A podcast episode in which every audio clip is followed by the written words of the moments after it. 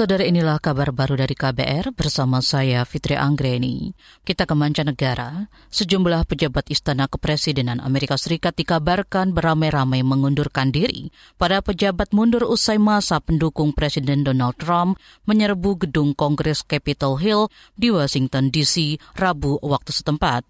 Mengutip CNN, tiga pembantu utama Trump sedang mempertimbangkan untuk mengundurkan diri dari jabatannya secepatnya malam ini. Di antaranya, Penasehat Keamanan Nasional Robert O'Brien, Wakil Penasehat Keamanan Nasional Matt Pottinger, dan Wakil Kepala Staf Chris Liddell.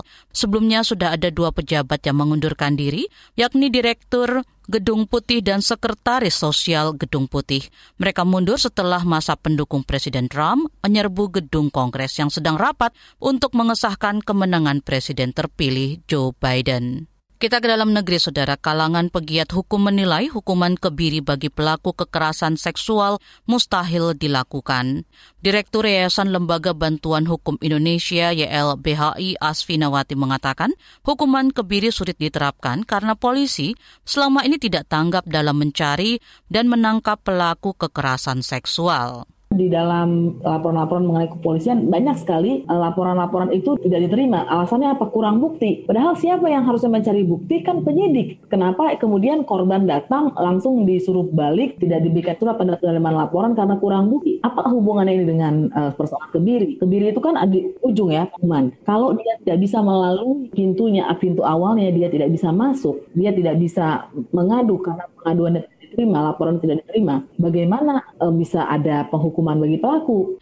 Direktur YLBH Aswinawati menambahkan laporan korban pengaduan kekerasan seksual pada anak juga semakin tidak ditanggapi aparat, apalagi jika terduga pelaku adalah pejabat negara atau tokoh masyarakat.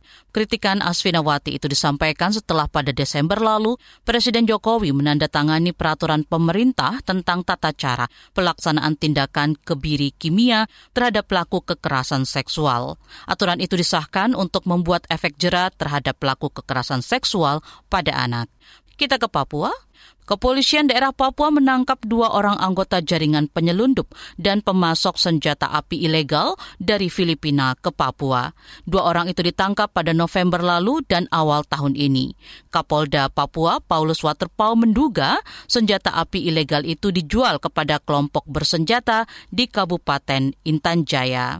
Diketahui dia dari Filipina lewat seorang ibu yang ada di sana ya. Itu nanti kemudian dibawa ke Mabile. Kapolda Papua Paulus Waterpau menyebut salah satu tersangka merupakan pengurus organisasi Pro Papua Merdeka wilayah Intan Jaya. Menurutnya, tersangka aktif melakukan propaganda di media sosial lewat isu dugaan pelanggaran HAM oleh aparat keamanan dan penolakan perpanjangan otonomi khusus Papua.